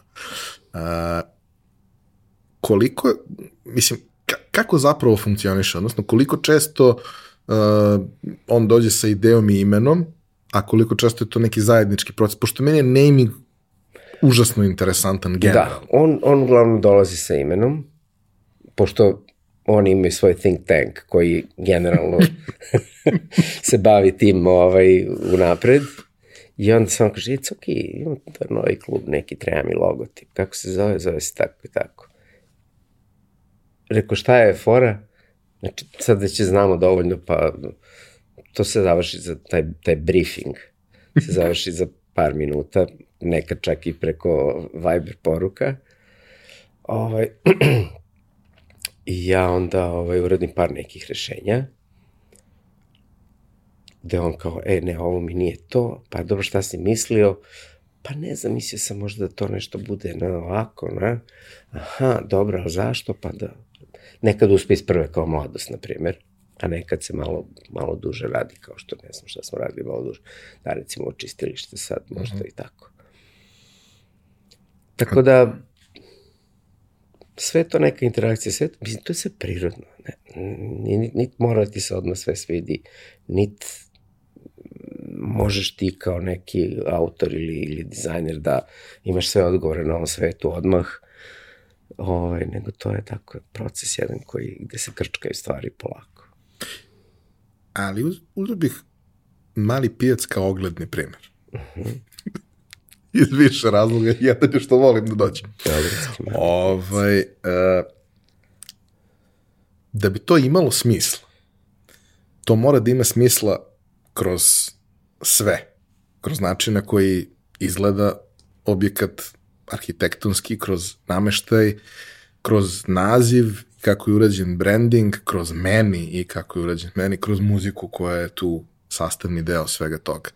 E, koji deo toga radiš ti, a kako se usklađujete oko ostalih stvari da bi tu postojao taj sklad? Uh, pa, znaš šta, obično kreće odatle da, da ja dođem već na, ne, u, na neko gradilište koje oni, jel da, imaju, da ima neke stvari koje su gotove, neke stvari koje sam vidio na, na renderima, pa sad oni uglavnom rade sa, sa, sa istim studijom arhitekturu, tako da se onda čujem i s arhitektom, malo mi kažu kako, koja je fora, pa onda ako se nešto zove mali pijac, znači da ima taj neki retro šmek, jel da, a opet treba da ima, da zakači savremeno nešto i onda prosto, znaš kao, kreće onda mučenje, onda šta bi sad ono to trebalo da se uradi, aha, treba nešto što je u stvari toponim da, da mu daš neko ime, da, mu, da ga prevedeš u neki brend koji je neki restoran, a da to opet ne bude potpuno banalno. I ovaj i onda sam, sam, sam, se sam vidio onaj luster koji imaju na zidu Rekao, ovo je potpuno specifično u ovom lokalu, rekao, ajmo da ga samo okrenemo, da ga slikamo i da nam to bude, iako je to prosto jedna zvezdica koja nekome tako izgleda, ali je to u suštini odatle potekla ideja njihovog lustera i ona se u suštini jako dobro pogodila sa onim što je, što je, da kažem, jedan od najvidljivijih delova tog i najprepoznatljivijih delova tog lokala. I taj jedan mali detaljčić u stvari je napravio tu konekciju po meni. Ne znam da objasnim, ali mogu da, da živo. Da, da, ne znam, ne znam ni ja uvek da objasnim. e, za kraj ovog dela o dizajnu bih volao još jedne teme da se dotaknemo, a o njoj smo pričali prvi put kad smo se videli malo pre i prosto znam negde koliko je ta tema važna svakome ko je izgradio neku ozbiljnu karijeru, ima iza sebe uh, uh, ozbiljne radove i, i, i rezultate, a to je taj moment da, jeli, ti si Coba, agencija je Coba and Associates, što automatski znači da svi žele Cobu, jer ovo su minioni koji pomažu Cobi, ali oni nisu deo nekakvog e, imenovanog tima tu koji stoji, iako znamo fantastične ljude koji su to radili, da, ti da, stvarno da, da. imaš super ekipu uvek. Uh, to je dobro za početak, posebno ako na početku je coba ime koje, koje ljudi ipak znaju, ali za ovu fazu karijere mislim da, što smo i pričali... Pa da, to se, to se krčka već neko vreme, neko, gotovo dve godine, možda malo manje, da ideja o promeni, o promeni imena agencije, jer stvarno, ono, stvarno imam privilegiju da radim sa jako, jako ono, pametnim dizajnerima. I, ovaj, i onda bih, onda sam nekako sam stekao utisak da su nepravedno zapostavljeni kroz, ta, kroz ime studija, tako da smo razmišljali šta posle cobe da bude i onda je došlo, posle cobe je došlo After Studio, a, to je novo ime, to je novo ime studija, sad smo u pripremi web sajta. Do da, trenutka je... kad izađe epizoda, sajt će Nadamo se. Tako je. Probat ćemo do kraja godine da ga izbacimo. Ovo, ovaj, tako da After Studio je nešto što je jedna nova, nova, nova da kažem, stepenica u, u tom, u tom ne, poslu koji se zove dizajn i branding i strategija. A sve ostaje isto, samo ste se presvukli? Pa, ubacili smo neke nove stvari, ubacili smo neke nove stvari, malo smo, naravno morali smo malo da se, da se bavimo i digitalnom, prosto kao, kao nečem što je što je priroda nastavak onoga što mi radimo, jer svi ljudi koji dođu kod nas pitaju, ali možete vi ovo da nam uradite, pa smo jedno vreme odbijali, pa smo onda shvatili ka, da možemo i to da uradimo, naravno, i onda smo oformili još jedan tim, plus smo oformili jedan tim koji se bavi dubinski, da kažem, marketingom za hotelijerstvo, pošto smo radom na hotelu Grand, pa pre toga hotelu Viceroy na Koponiku, pa smo sad radili hotel Paviljon malo ovaj, u Beogradu, sa Square Nine-om smo radili, tako da smo imali, imamo jednu dosta, dosta kvalitetnu, ovaj, da kažem, klijentsku bazu i, i puno smo naučili iz toga i do, do, do, doveli smo neke ljude koji zaista poznaju i prepoznaju taj, taj, taj biznis jako dobro i to nam je neka sledeća, da kažem, ponuda after studija, jer i to je negde išlo u taj after coba vibe, da, da, da, da, da se, da se širem jednom dijapazonu ljudi da neka vrsta identiteta iza kojeg neće biti neki coba, mislim. Neka ličnost. Neka ličnost, da, jer počeli mene da opterećuje, naravno, to je još jedna od stvari, jer svi hoće sede sa mnom, a ja prosto fizički ne, ne mogu da, da postignem to i to onda nije, nije u redu. A, ovaj, a i šta sam još teo tu, da, i to što sam, to sam ti pomenuo jednom prilikom bio, da dosta ljudi je počelo da doživljava agenciju kao one man show, što je tek nepravedno, pošto nas je 15 u agenciji, mislim, koja se bavi dizajnom u Srbiji, što je veliki uspeh. I, ovaj, I onda mislim da, u stvari, taj tim, ja sam uvijek želao da taj tim nekako funkcioniše, sad mislim da sam, u stvari, promenom imena tek dobio tu, tu, tu, tu formu koja je zadovoljavajuća. Sad ćemo da vidimo to da kad budemo pustili kako će to sve da, da profunkcioniše. Kad sajt bude gotov kad sajt bude gotov.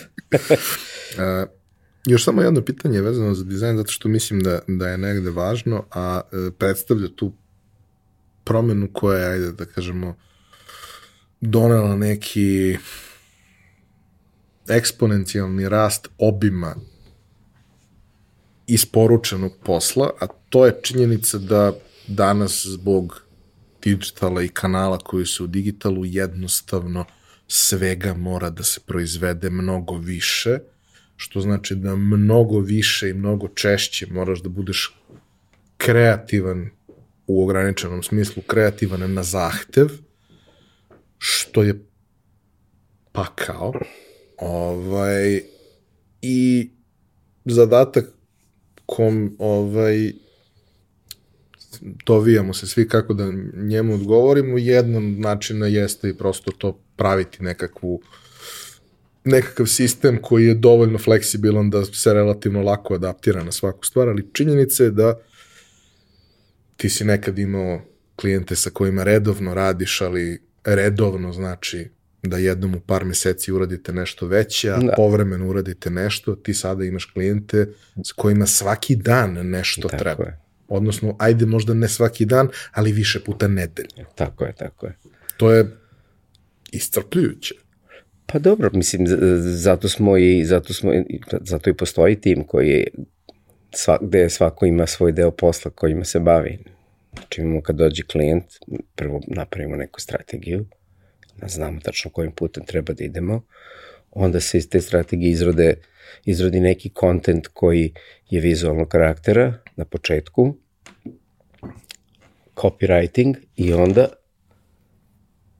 se ovaj content menadžeri već kažem osmisle, ali prosto daju neku, neki okvir za onu kom pravcu treba da ide brand, zato što su prosto u, u materiji i onda kod dizajnera ide to na, da li na neku animaciju, neki neko pravljenje vizuala i tako dalje. Znači, da, jeste, dosta se, dosta se iskompleksirao ceo posao, da, vrlo je postao. I uvećao, mislim, da, da, da, da, apsolutno. Drugo, uvećao se. Ono, količina outputa da. je... Da, mislim, meni se desi da recimo da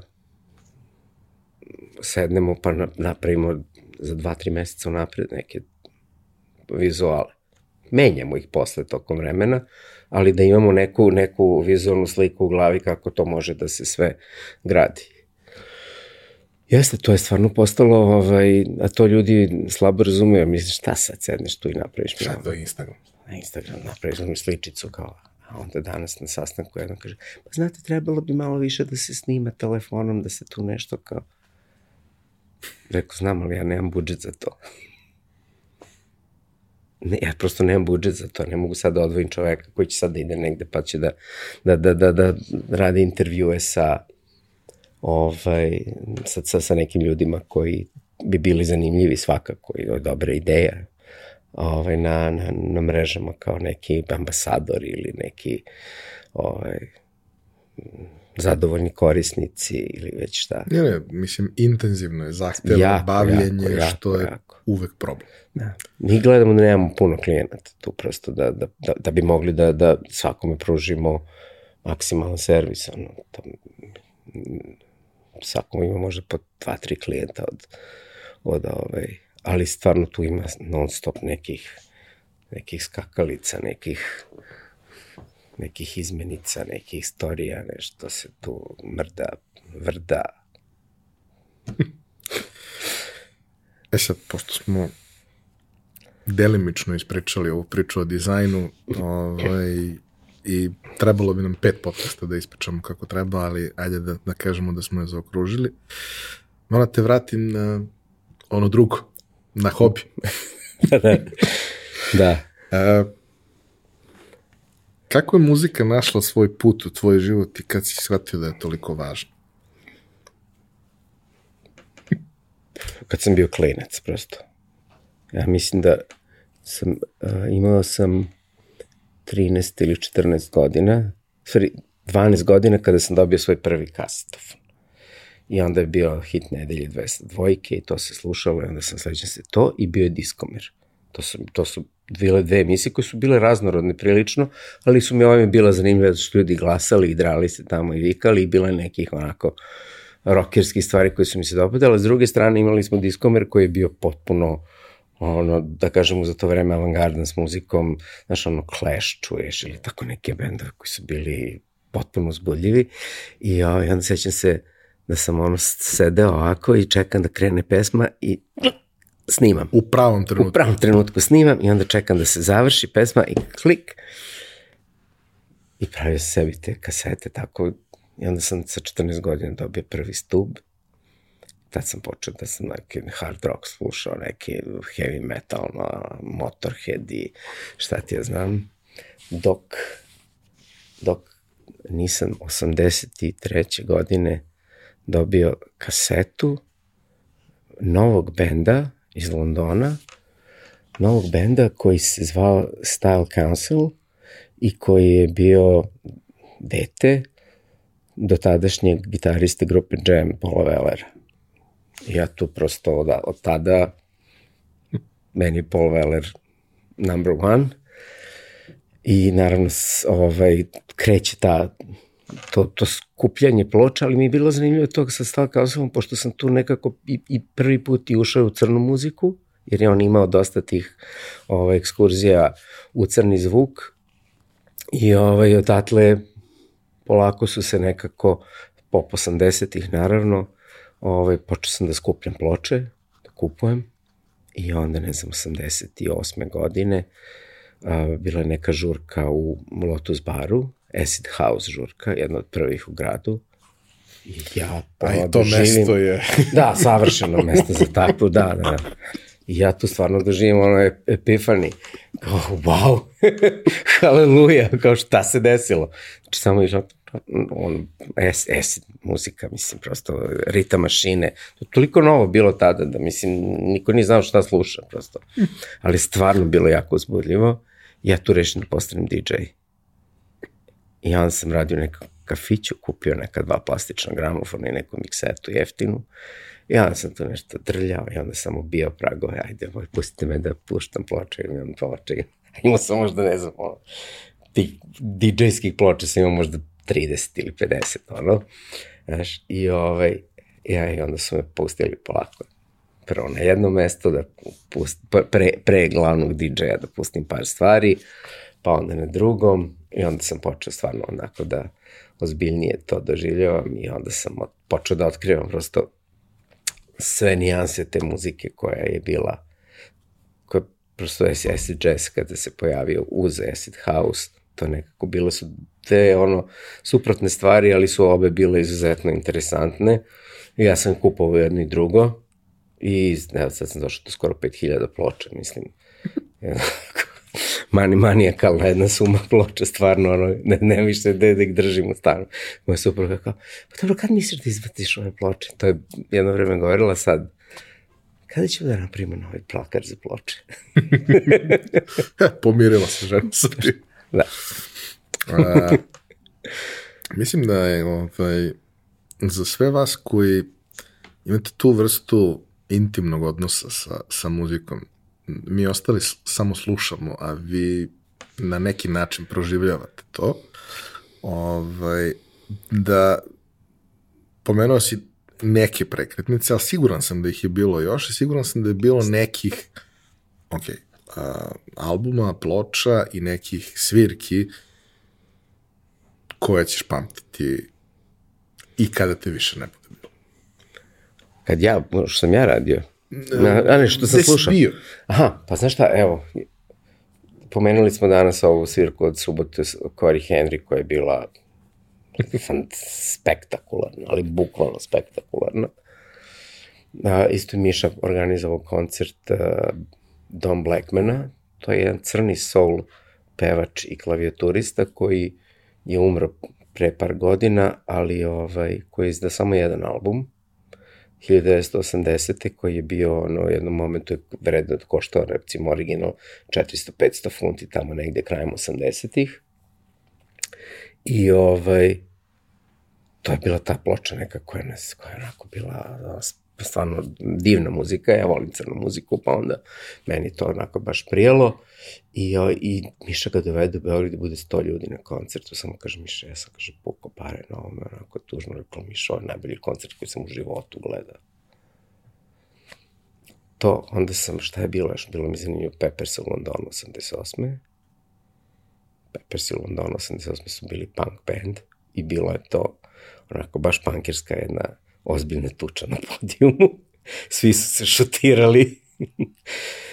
to je bila strava. Šta sam još onda, da, Galijana sam gledao isto. E, sa Giles Petersonove etikete Talk Loud. To je isto odličan koncert. Naravno, Style Council sam gledao nekoliko puta. Um, Cure je imao fenomenalan koncert, su to tamo. Ja sad govorim, pričam o 80-ima kada dok sam živo u Italiji, pa sam imao prilike da oni su svi dolazili tada Cure stvarno ono Kiss Me, Kiss Me, Kiss Me turneja i Brian Ferry i šta ti, Joe Jacksona sam gledao, isto Joe Jackson je bio fenomen, onako, u jednoj sportskoj hali, kao da si, kao da, je, kao da je tu pored tebe, taj si imao utisak sve vreme. Što je tako namestio atmosferu i to je stvarno bilo onako dobar, dobar osjećaj. Karmel u klubu jednom, u Firenci negde, ovaj, ovde u Beogradu, Stones i ovi su mi bili strava, kad su bili tu.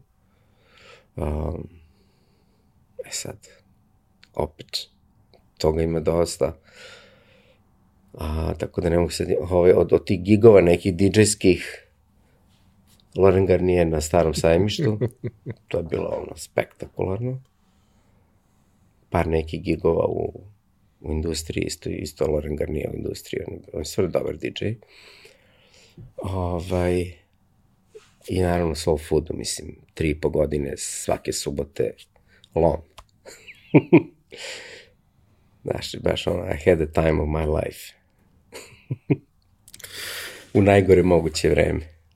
Ali to je jedino vreme koje smo imali.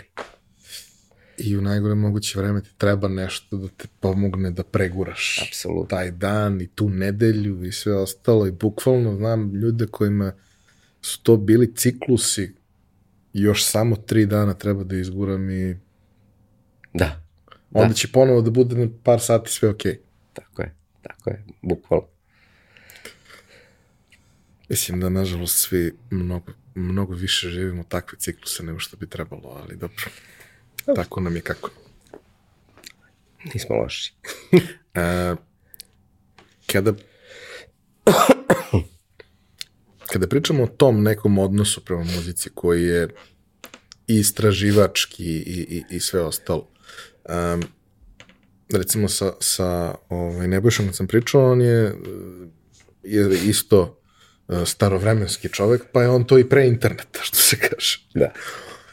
I tad si bio prilično limitiran. To je onda podrazumevalo da čitaš neke časopise, slušaš neki radio, pa odatle pokušavaš da iskopaš, pa čuješ nešto i ako nisi, ako nije najavljeno šta je, nikad nećeš saznati koja je bila pesma. Prilike. Sad možeš da šazamuješ sve, mislim već 10 godina možeš da. da šazamuješ sve, što onako dosta, dosta korisna stvar. Jeste, vrlo je, vrlo. A, ali e, taj moment, to mi, to mi je nekako važno da, da, da oslikamo ljudima e, kako je to bilo pre nego što je sve postalo dostupno i sve postalo banalno, jeftino i, i sve ostalo. Taj moment traženja i nalaženja nečega. Da. Pa dok sam živeo u Italiji, imao sam jednu prodavnicu ploča u koju sam redovno odlazio, jer tu su uglavnom imali neku novu muziku koju nigde nisam imao prilike da čujem. I onda ovaj, bio te prodavac ploča, jedan fišt, koji je kao, imam za tebe odličnu stvar i onda mi izvuče jedno desetak ploča i kao, evo da preslušam i kao, pošto je ovo, pa kao šta, samo 12 evra, ne, tad je bilo 12.000 lira. Ja kažem, u, bre, to mnogo mi je ovo. Pa onda sledeću, pa preslušam, pa se vratim, pa onda gledam, pa, znaš, ono, kao šta, da, da li da kupim, da li će to da se dopadne nekome, znaš. Može da nekako, i onda kao, dobra, e, uzet ću ovo i ovo i ovo. I onda dođem posle 7 dana, jel da, opet kao, e, vidi, radio sam, tu su mi prošle u ploče, daj da, daj da potrošim ove pare što sam zaradio na nove. I, ove, a posle 90-ih, 90-ih je bilo prilično zeznuto, jer informacija je bilo ono skoro ni, nigde, ali je bilo dobro zato što dobijemo iz Beča dobijemo ovaj, preko faks mašine dobijemo spisak ploča, slova koja su bila ono četiri punkta i razmrljena od faksa i sad mi onako gledamo kao, kao koji je ovo, ko je ovo disko kuća, ko je ovo label, a e, ovog znam, ovo sam, e, ovo sam video negde, gde smo videli, pa onda kao dobije, neko donese DJ magazin ili Mix Mag, kao je, video sam u Mix Magu, su ga hvalili, kao ajde, ovo ćemo da naručimo. Znači, bukvalno ne, ne znaš, nemaš pojma šta naručuješ. Ali smo imali sreću. Nekako imali smo nos i super smo muziku birali i stvarno smo ovaj, onako uspeli da pravimo dobro, do, do, dobre žurke. A znaš šta, mislim da je tu i ona stvar što, naravno, mora si da se potrudiš, što sada više ne Apsolutno, moraš. apsolutno. Ali toga nije bilo toliko, pa si zapravo mogu da ga preslušaš.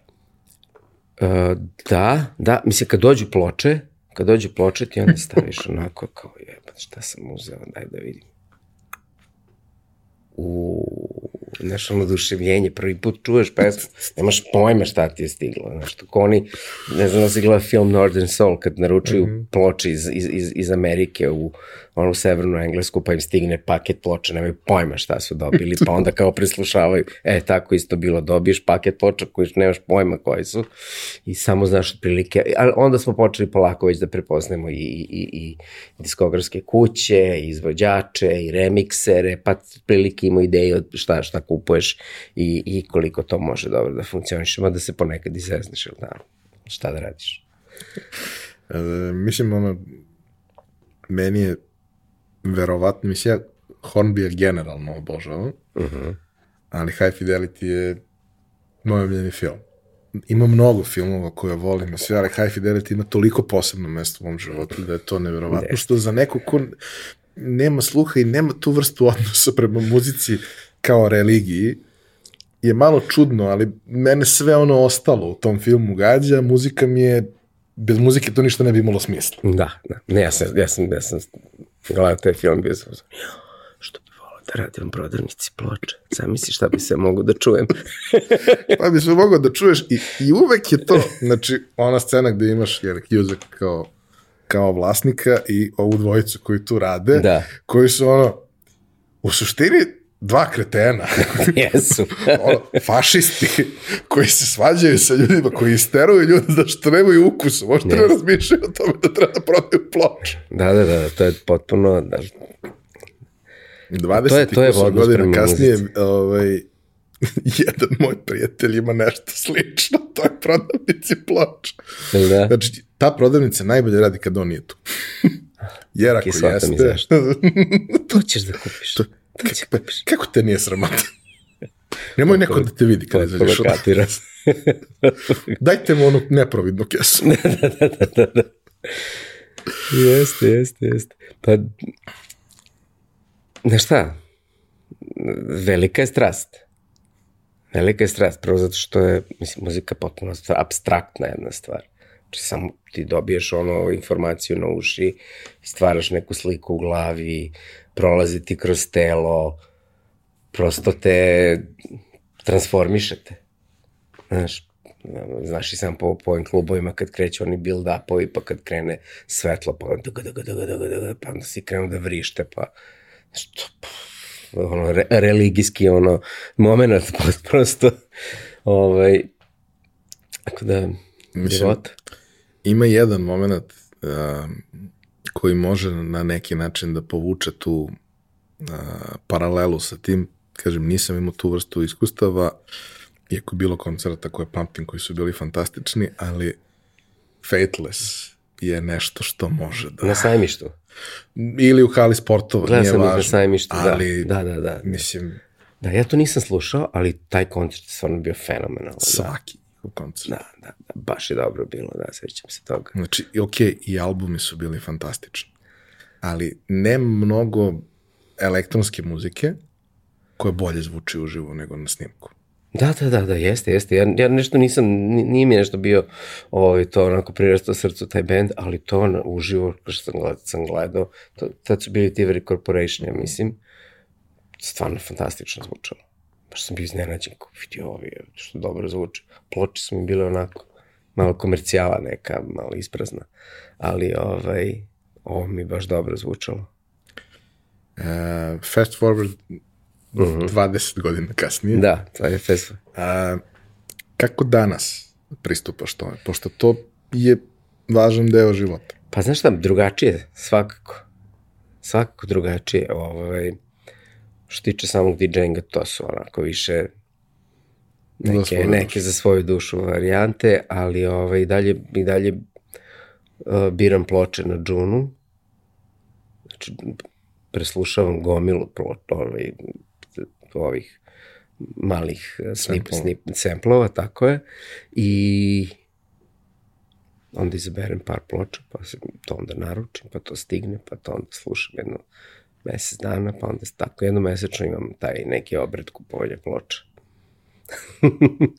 A što se tiče elektronske muzike, da, to je baš prilično dostupno. Ono.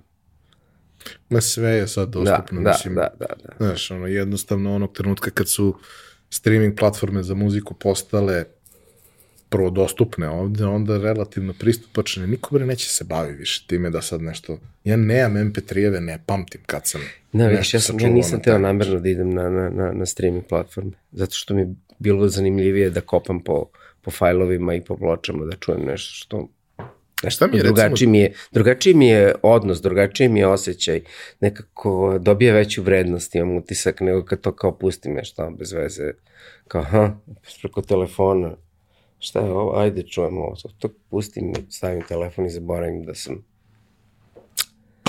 nešto mi tu Ima to jedan, jedan moment koji mi je super bio interesantan kad sam malo istraživao to. Sve mi je bilo zanimljivo. Dakle, pričamo o periodu pre masovne priče o AI-u i tome šta nam donosi mašinsko učenje i tako dalje.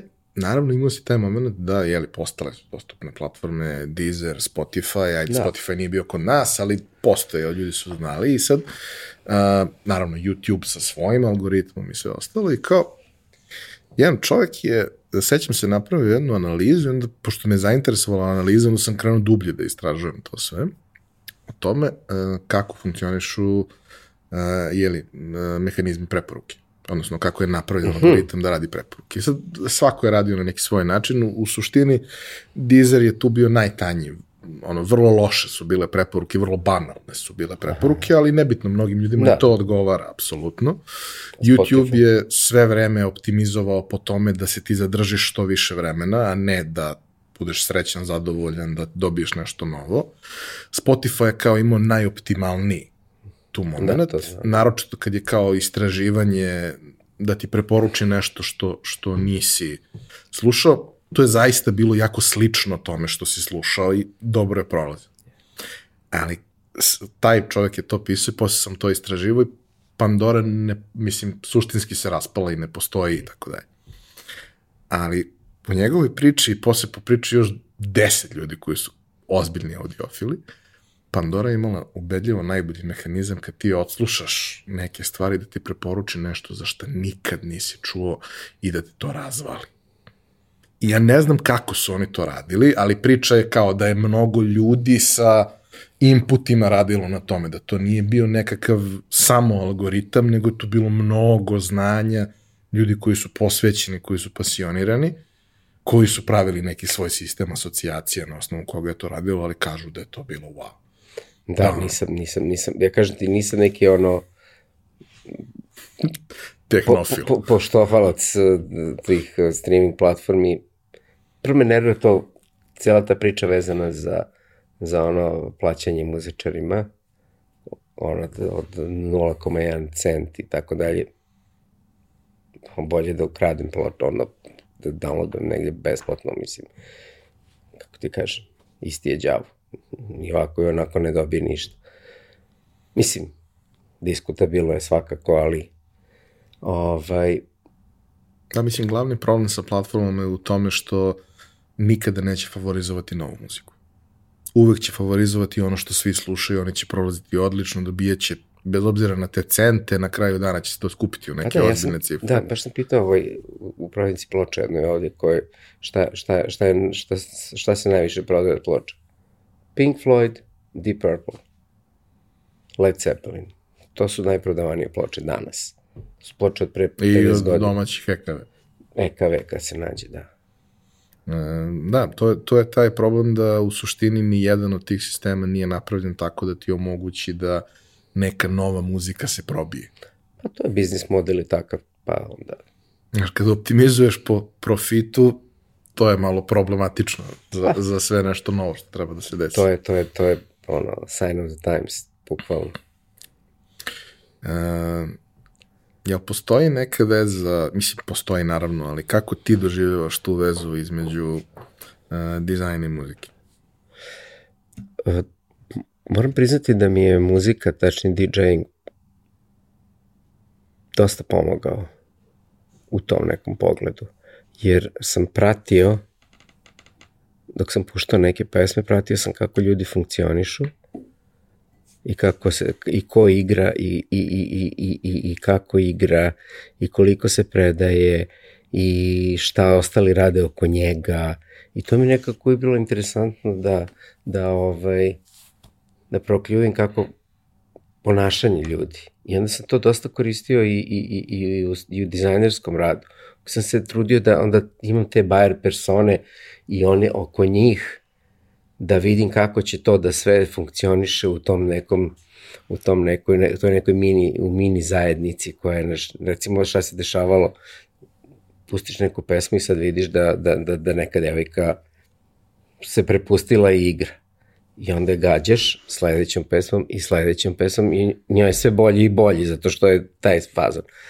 Ekipa oko nje, naravno, gledao si onaj kako postaje, kako postaje pleme, Znači, počinje da se prima polako. Prvi se primi neki frajer koji sad je tu, hoće da se napravi dasa. da, pa on krene da džuska, dakle. pa onda, da, i, i, onda, i, onda, i onda svi kreću da, da, da, da te, te, te, se, bukvalno se da, ovaj, vibracije šire. Ja mislim da, da, da, da mnoge stvari i u dizajnu tako funkcionišu. Nacilješ onog jednog kom, kom, kome treba to da, da prodaš i pokušaš da zamisliš koja je to kockica u kojoj se on kreće i da vidimo sad kako ćemo tu kockicu da proširimo i da ovaj, kroz razne stvari, između ostalog i digitalom, da vidimo kako će to da, da, da, da, da, da se proširi i da dobije, da postane ono, značajnije. Kako će da rezonira. Kako će da rezonira, evo da sam, koristim ove reči iz engleske, stalno mi one padaju na pamet. Ne, ne brini ništa, ja i ne znam druge, tako da, da to je da, pa potpuno okej. Okay. Uvek kažem da kao kad neko krene da kritikuje što koristimo engleske reči u ovome svemu, pa mi smo to na tom jeziku naučili. Meni kad neko kaže da treba da prevedem to, ja ne mogu, ja nemam izraza za to. Da, i ponekad zvuči neprirodno. Zvuči jako rogobatno, da, jako neprijatno. Ja sam jedan od onih što ne ume da koristi telefon kad ga prebaci na srpski. Tako da, da to je skroz, skroz da, ja se okay. meni se zezanje. Nije logično. Da, da. Uh, Cobo, hvala ti.